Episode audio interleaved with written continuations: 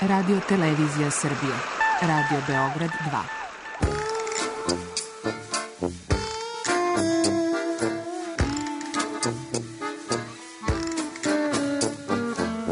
Rekli su mi, gospodine, vi ste promašili temu. Pa ja sam onda promašio život. I ne znam šta će da bude sam. Kaže, ja ne mogu više te čuvam. Šta da ti radi, kaže, snađi se kako znaš. Mi smo kao u kafesu. Za nas to je najmrtvo. To je mrtvo za nas, naročito. Ja bih želela neko da me usvoji. Da bih želela. Govori da bih te video. Program dokumentarnog zvuka.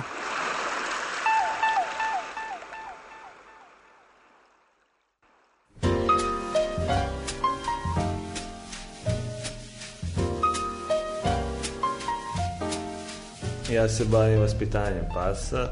Ljudima smatraju dreserom, a onda im ja kažem da nisam dreser, pa onda kažu, a onda si ti šaptač pasa, pa onda ja kažem, dobro, ajde, neka bude.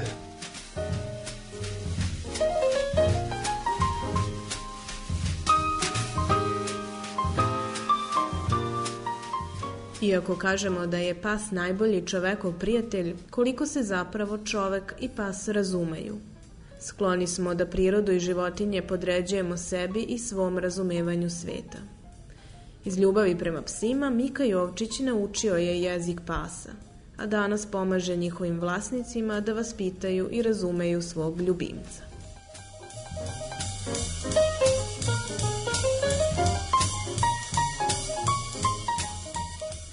Petom razredu osnovne škole na temu šta želite da budete kad porasti, o čemu maštate da, da, da, da ćete biti, tako nešto nekako glasila.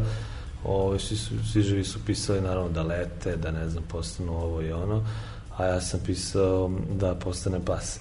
Mm, imao sam posle razgovora sa svojim profesorkom srpsku, malo smo pričali o tome zašto ja volim pse i tako, ovaj, crtao sam posle te neke pse po, po sveskama, dakle, i nosio te neke enciklopedije i vucarao i tako tako se to onda posle produžilo na to skupljenje pasa i pomaganje. Ne samo mislim pasa kao jednih životinja, nego tu su bili golubovi i mačke i tako dalje. Ovaj, prosto sam nekako vezan bio za te za životinje, ali za pse ponajviše. Teo da upišem veterinu, kao mali nisam, I onda sam se posle počeo da bavim, e, mislim bavim onako iz hobija, iz neke želje da pomogne životinja, malo ozbiljnije povezao se nekim ljudima koji spašavaju životinje, pomažu i tako dalje, udomljavaju.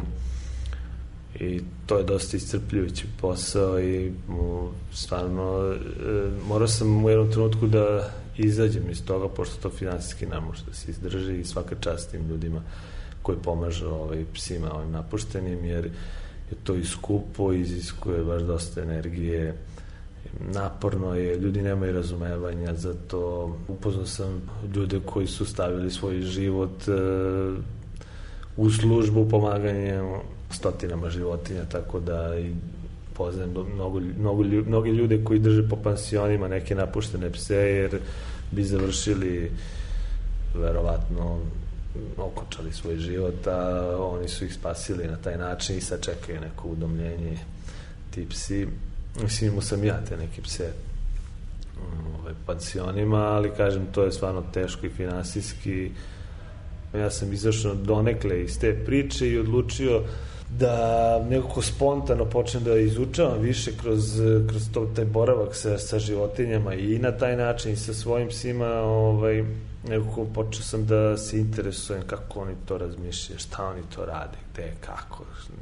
Vidim da to nisu, nisu ljudi, ali razumemo se, ali se i ne razumemo. Nekako mi nije to bilo do kraja jasno šta, šta sad tu treba raditi, a nisam želeo da ih posmatram kao ljude I onda sam počeo to da čitam, dobro, počelo je to prvo i od nekih emisija, pa sam onda nabavljao neke, neku literaturu iz inostranstva, na poljskom, na, engleskom, na ovom, na onom. Onda sam posmatrao svoje pse, posmatrao tuđe pse, posmatrao pse u čoporu, ulične pse, posmatrao, gledao razne emisije o vukovima, što je jako bitno, to mislim da svako ko žele se bavi ovim čime se ja bavim, treba početi od toga, pošto domaći pas je poreklom od vuka i suštinski one o, ključne osobine, ako su sada nešto izmenjene kod domaćeg pasa, mogu da se vide i ove, da se prepoznaju i oče kod e, Vukova, kako oni to kako žive u čoporu, zašto žive u čoporu, kako im je hjerarhija, zašto imaju alfu, betu i tako dalje,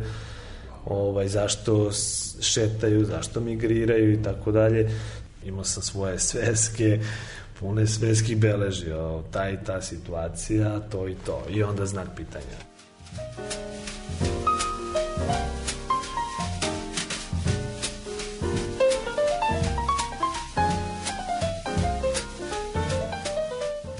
imao sam cilj da razrešim neke dileme oko svog psa koji s jedne strane je to, zato što je on imao neke fobije, on je uzet iz azila, pa je povukao ja kao da sam njega izabrao zato što je fobičan i zato što je jedini koji nije teo da priđe. Verovatno sam tražio nešto tako. Ove, ali nisam sad uzao njega kao neki eksperiment, nego sam ga izabrao i onda posle želeo da mu pružim što više, što, mogu, što, što više mogu, ali nekako sam vidio da ono, ne mogu do kraja da mu pružim i očigledno nemam dovoljno znanja. I onda sam pokušao da nađem najbolje rešenje za njega, a ujedno me to toliko zanimala ta tema o životinjama da sam samo samo učio o tome, samo sam radio na tome bez nekog cilja, eto, to, hoću to i plus ako mogu da pomognem, to je super, što tako se oko to neko znanje, ja kažem, akumuliralo i širilo, u početku sam imao nekoliko tih pitanja koje sam beležio u sveskama, onda se broj pitanja širio, jer sam počeo da uviđam detalje u njihovom ponašanju, zašto pogleda ovako, zašto ne pogleda ovako, kako ovako, kako onako, kako pas prilazi ovakvog repa, sa ovakvim mahanjem, sa ovakvim stavom, kako reaguje na zvuk i mislim tu sad sve su usložnjavali, usložnjavali i onda mi je to postalo i zanimljivo i, i fascinantno da e, životinje kao što su psi gde mi mislimo da samo maše repom i zna da laje zapravo jedno složena bića koji imaju govor tela koji je razvijeniji od našeg, mislim, nebrojeno puta. Znači, to imamo i rep, i uši, i telo, i, i tako dalje, i sve, sve to samo za sebe, plus kad se nadogradi u kombinaciji. Recimo, vukovi samo na, na njušci mogu da, odnosno čitava glava može da im, ima nekih dvadesetak varijanti različitih koje nešto pokazuje. Sad to još uklupiš sa telom, pokretom i tako dalje, to je onda potpuno ludilo. pa onda dodaš još i zvuk, kojih ima sad lajanje ovako, lajanje, dok od vukova nema toko lajanja, naravno, ali režanje, visina tona, frekventnost i tako dalje, to je onda čitav, jedan, čitav jedna komunikacija koja je toliko složena da sam onda shvatio čekaj, pa ja nisam imao pojma.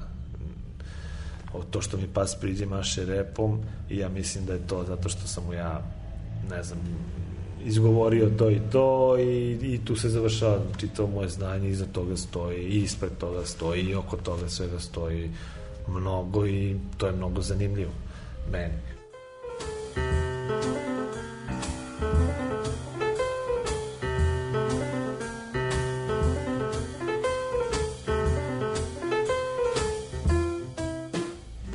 zapitao sam se zašto, ovaj, zašto volim toliko pse.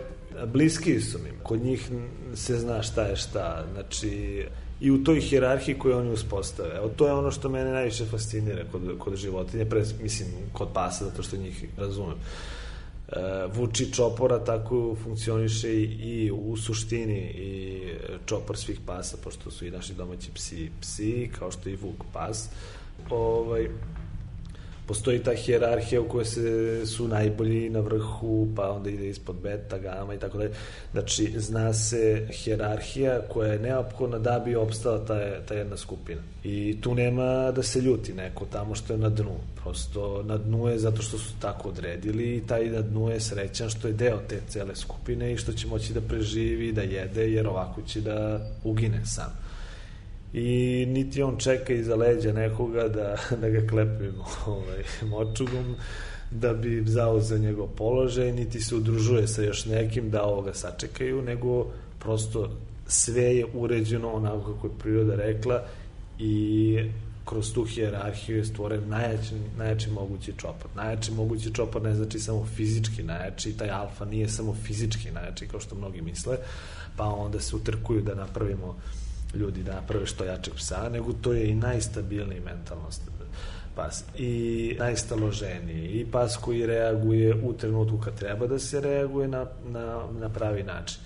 Znači, agresija sama po sebi nije nešto što treba da odlikuje ono koje je na vrhu. E sad, kako to uzmemo i uporedimo sa ljudima, od onih mini čopora na primjer od porodice, pa ne znam, do zajednice, pa do firme, pa do države, onda vidimo da to nekako, meni, meni makar to deluje kao neka, neka salata gde neko ko je na vrhu baš i ne treba bude na vrhu i da bi došao na vrh možeš da se udružiš nekim pa da gurneš nekog ko pet puta vredi više od tebe i, ovaj, i taj, taj nesklad mi je potpuno neprihvatljiv. Taj odnos prema životu koji je kod njih verovatno nesvestan nego instinktivan bliski mi je od, od ovog našeg koji eto tako mi se trudimo stalno menjamo neke sisteme a ovaj, nikako nađemo neku sreću. Ako njih postoji jedan sistem koji funkcioniše verovatno od kada postoje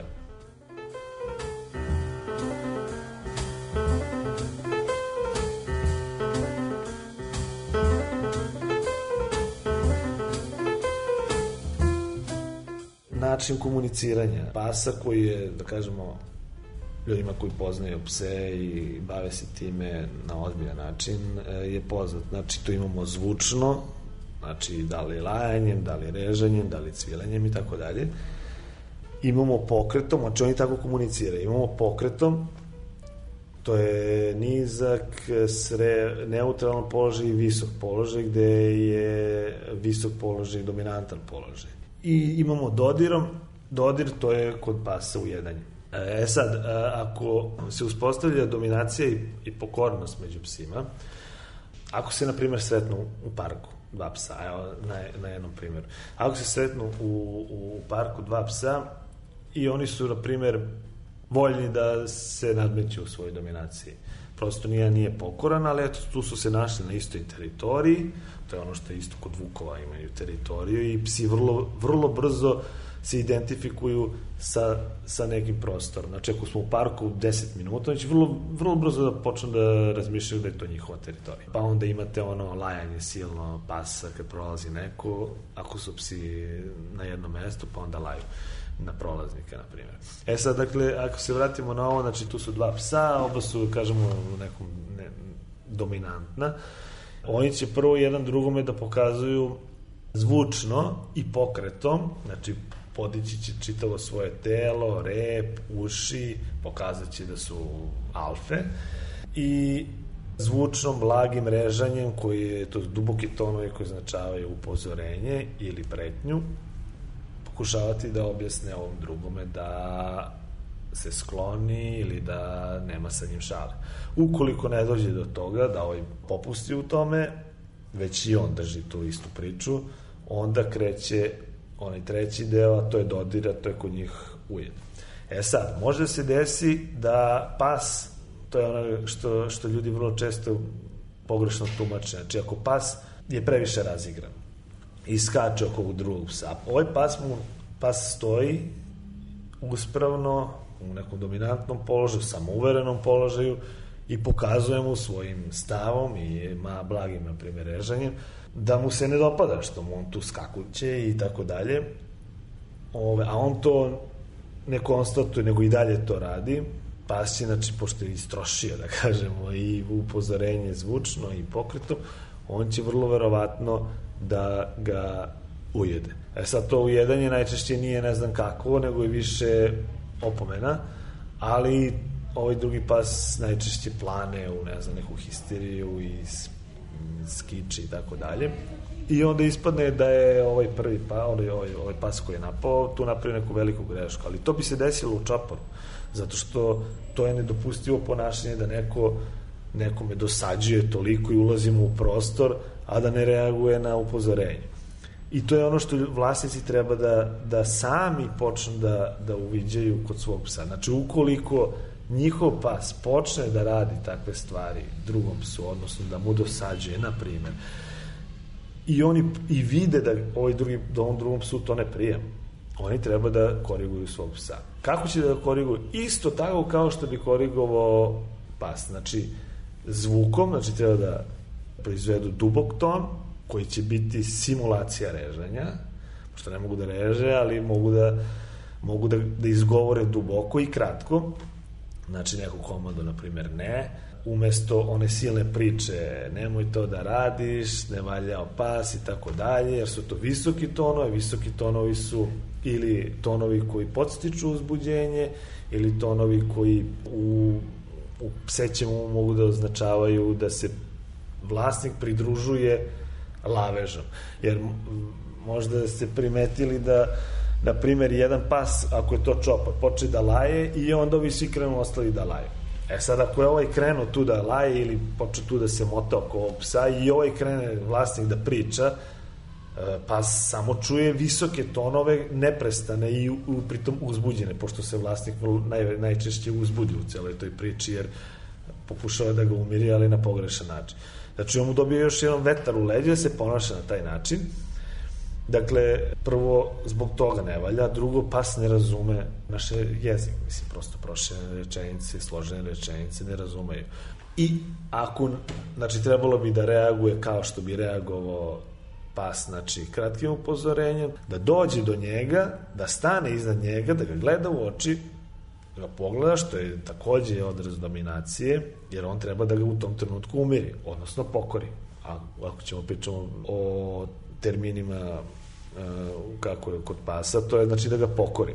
Ukoliko ni to ne prođe, kao što i kod ovaj pas kad bi to uradio, a to ne bi prošlo, onda mora da ga ujede. E, pošto mi ne možemo da ujedemo, mislim, u suštini možemo, ali, ali bolje ne, onda možemo da, da ih uštinemo, pošto je to najbliskije tom osjećaju koji izaziva ujed. E sad ja volim da, da, da se ujede ovde za slabine, jer tu najmanji pritisak je neophodno, odnosno pas će najlakše da oseti to. I to pritom da bude vrlo energično i brzo, zato što psi nikada se ne kolebaju kada odluče da ujedu, oni ne krenu pa, pa malo pritisne, pa ne, nego prosto uštine tu, odnosno pritisne. I pa će najverovatnije reagovati na to.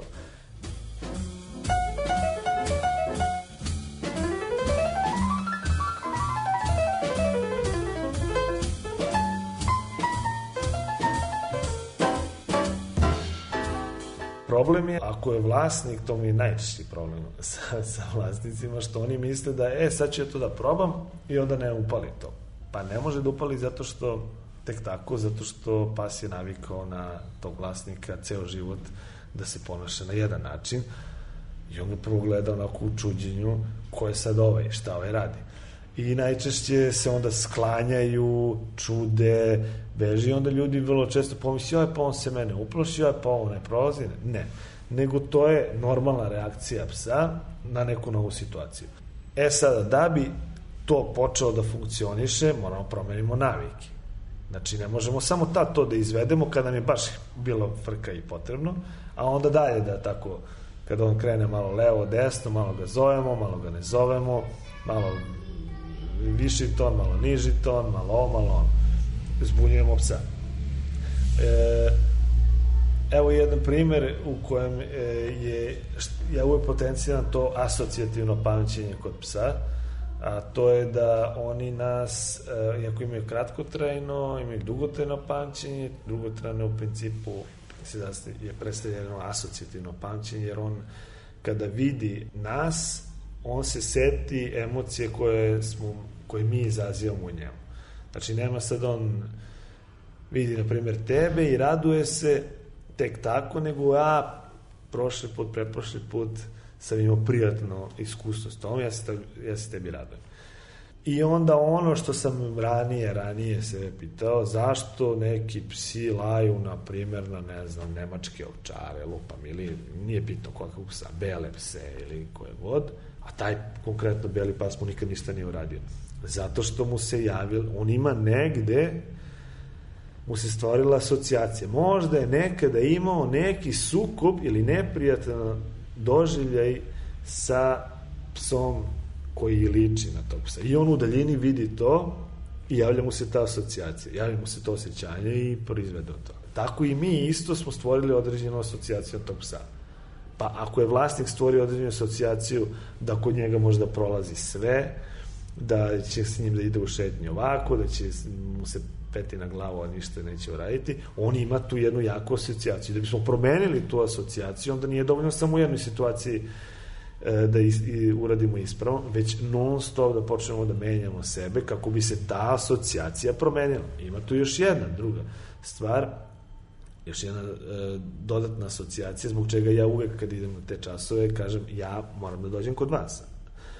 A to je asocijacija taj stan ili kuća ili gde god živi. Znači, i taj stan je napravio jednu asocijaciju. Mi znamo i, za, i, i po sebi. U, u, u svom stanu imamo možda se lepo, možemo lepo da se osjećamo prijetno, a možemo i, i neprijatno da se osjećamo. Zavisi od toga šta nas vezuje za to, kako, kako šta radimo tu i tako dalje. Tako da, u tom stanu, zavisi od toga kako se vlasnik ponašao, pa si stvorio asocijaciju na taj, na taj prostor. I sad kad se izmesti taj jedan taj pas iz tog prostora, gubi se jedna asocijacija, ostaje vlasnik ako ide i on napolje, i tu sam ja, ako sam u pitanju. Znači, ja ulazim u stan kao neko, neko novo lice i pas počinje pravi asocijaciju na mene.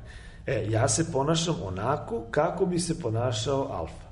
A alfa kada se upoznaje sa mužijak, sa, sa drugim psom, ponaša se tako što neće da dođe da ga mazi, da desi kucomaco, već će da uđe, to, to se observ, observacijom najbolje vidi, i to mogu ljudi da vide kako, se, kako je kad prilazi pokoran pas ili bilo koji drugi pas, e, dominantnom psu, odnosno alfa psu, sam uveren dominantnom psu koji je stabilan. Znači, mi takvi treba da budemo. Znači, ako ja ulazim u stanje, ja ću da uđem i neću da obraćam pažnju na njega, zato što dominantan pas dokazuje svoju dominaciju tako što stoji uspravno i traži od, drug, od psa da njemu priđe. A psi to suštinski vole. Oni traže ono, onog alfu koji će im biti vođa u, celi, u celom životu. I sada kad ja tu prođem, sednem, ne govorim, ne pipam ga, ja ga ne mazim. Čim krenem da ga mazim, moja uloga tog alfe pada. Ja više nisam alfa, onda sam ja tu neki pokoran pas, onda on više mene ne gleda na pravi način. I sada ja tu, ako posmatram, tu, e, počinjem da posmatram, slušam te probleme koje oni imaju i vidim kako, kako te asocijacije, znači to ovaj, e, mesto u kojem žive taj stan i ostali ukućeni, kako imaju interakciju sa psom i kako se pas ponaša. I onda ako izbacimo, ako izađemo napolje, onda izlazimo, izbacili smo jednu asocijaciju, to je stan, idemo u šetnju, ostaje vlasnik i eventualno ja odredim sam sa tim psom i vidim kako on mene sluša i onda mogu da procenim šta može s tim psom da se radi. Ukoliko je pas u fobičnom stanju, znači dešavalo mi se da se plaše da piju iz čančeta vodu, da ne smiju da pređu preko, da, da šetaju stepenicama, da ne smiju s jedne strane stepenica ili s druge strane stepenica, da se plaše ljudi koji prolaze, da, da re, agresivno reaguju ako im neko priđe, da neće da dođu, to mi je omiljeno ovaj, kad me ljudi zovu, sve, sve je super sa psom, samo neće da dođe, zapravo se ispostavi da mnogo toga nije dobro, pa neće da dođe, jer e, da, da je sve dobro, pa bi došao a ne može da se uči da se pa da ne, mo, ne možemo psa da učimo da dođe ukoliko ne krenemo da rešavamo ove sve ostale stvari. Znači ta sama šetnja je jedan od ključnih stvari koji mnogi zanemaruju, ali ona je vrlo, vrlo bitna, Jer ona, kao što smo rekli, vukovi love i da bi ulovile mora se potrude za to. Znači, idu tamo, traže i ulove. E sad mi ako ujutru izvedemo psa i šetamo, šetamo, šetamo i vratimo se, damo mu hranu, to je kao da je on ulovio tu hranu, odnosno kao da smo mi svi ulovili tu hranu, pa smo mu dali. Znači, to je jedan pravil, ispravan postupak. Znači, a ne obrnuto, damo mu hranu, pa idemo da se šetamo. Ili še, sedimo za stolom i dajemo mu hranu. To je potpuno pogrešno zato što ako čopar uhvati plen, prvo jedu, jede alfa i beta i tako dalje. Ovi će sačekaju, dobit će oni svoje i oni će biti srećni zbog toga. Ali moraju sačekaju da dobiju svoj komad. E sad, ako mi uzimamo, sedimo za stolom i pas nas gleda onako molećivo i mi mislimo, ja, kako je slada, kako da mu ne dam, pošto nas on gleda u oči, a malo pre sam rekao, gledanje u oči je dominacija. Znači, on suštinski dominira. Dominacija znači ja tražim nešto od tebe. Ako on traži non stop nešto od nas i sedi ovako, mi umesto da ga pošaljemo na mesto, odnosno da, da, da komandom tražimo da se skloni i da se smiri, nego ga puštamo tu da non stop bude napet, jer zna da možda može i da dobije i na kraju i dobije, znači on je, da kažemo, izdominirao. Gledao sam u oči, dominirao sam i na kraju sam dobio. To je kao da dođe pas kod drugog psa koji jede i ovaj jede svoju porciju i ovaj gleda, gleda, gleda i traži i ovaj mu da malo. Prosto autoritet ovoga pada. A to, sad će neko možda pomisliti, joj, pa jadan pas, pa nema šta. Pa tako je u životinskom svetu, tako je u psećem svetu. On nas jednostavno poštuje kada dobije to sve što treba, ali kada treba i koliko treba.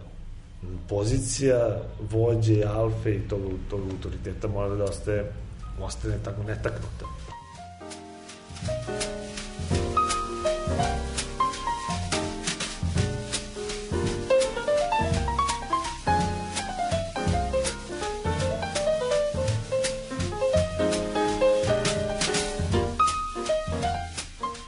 I onaj ko nije dominantan, neki ljudi e, koji nisu dominantni sami po sebi u ovom svetu, ne treba da se obeshrabre zato što mi su to dva potpuno različita sveta koja po mom mišljenju počivaju na potpuno različitim principima. Mi u suštini i jesmo najsličniji u osnovi psima i neki tvrde da ja sa čime se ja slažem da nije tek tako pas postao najveći prijatelj čoveka zato što i mi živimo u zajednicama i nama je potrebna hijerarhija i mi smo bili ranije nomadi i šetali i, i tra, lovili i tako dalje ali je ta struktura koju mi pravimo potpuno nakaradna i onda neki ljudi prosto ne dižu ruke u fazonu, ne mogu da se, ne mogu da funkcionišem i da uspostavljamo ko je tu sad u pravu kada moja reč očigledno se ne meri e, onako kako treba.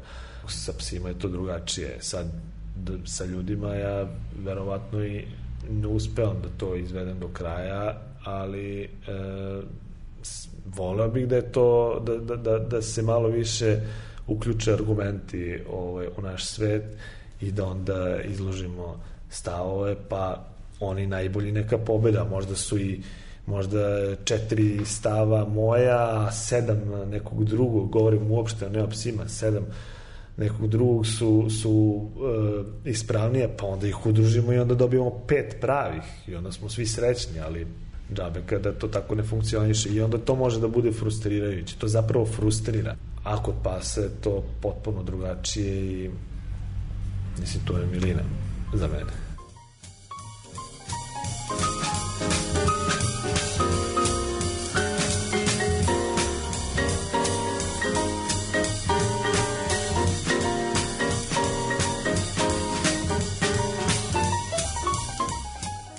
Reportaži govorio Mika Jovčić. Autor Milena Radić.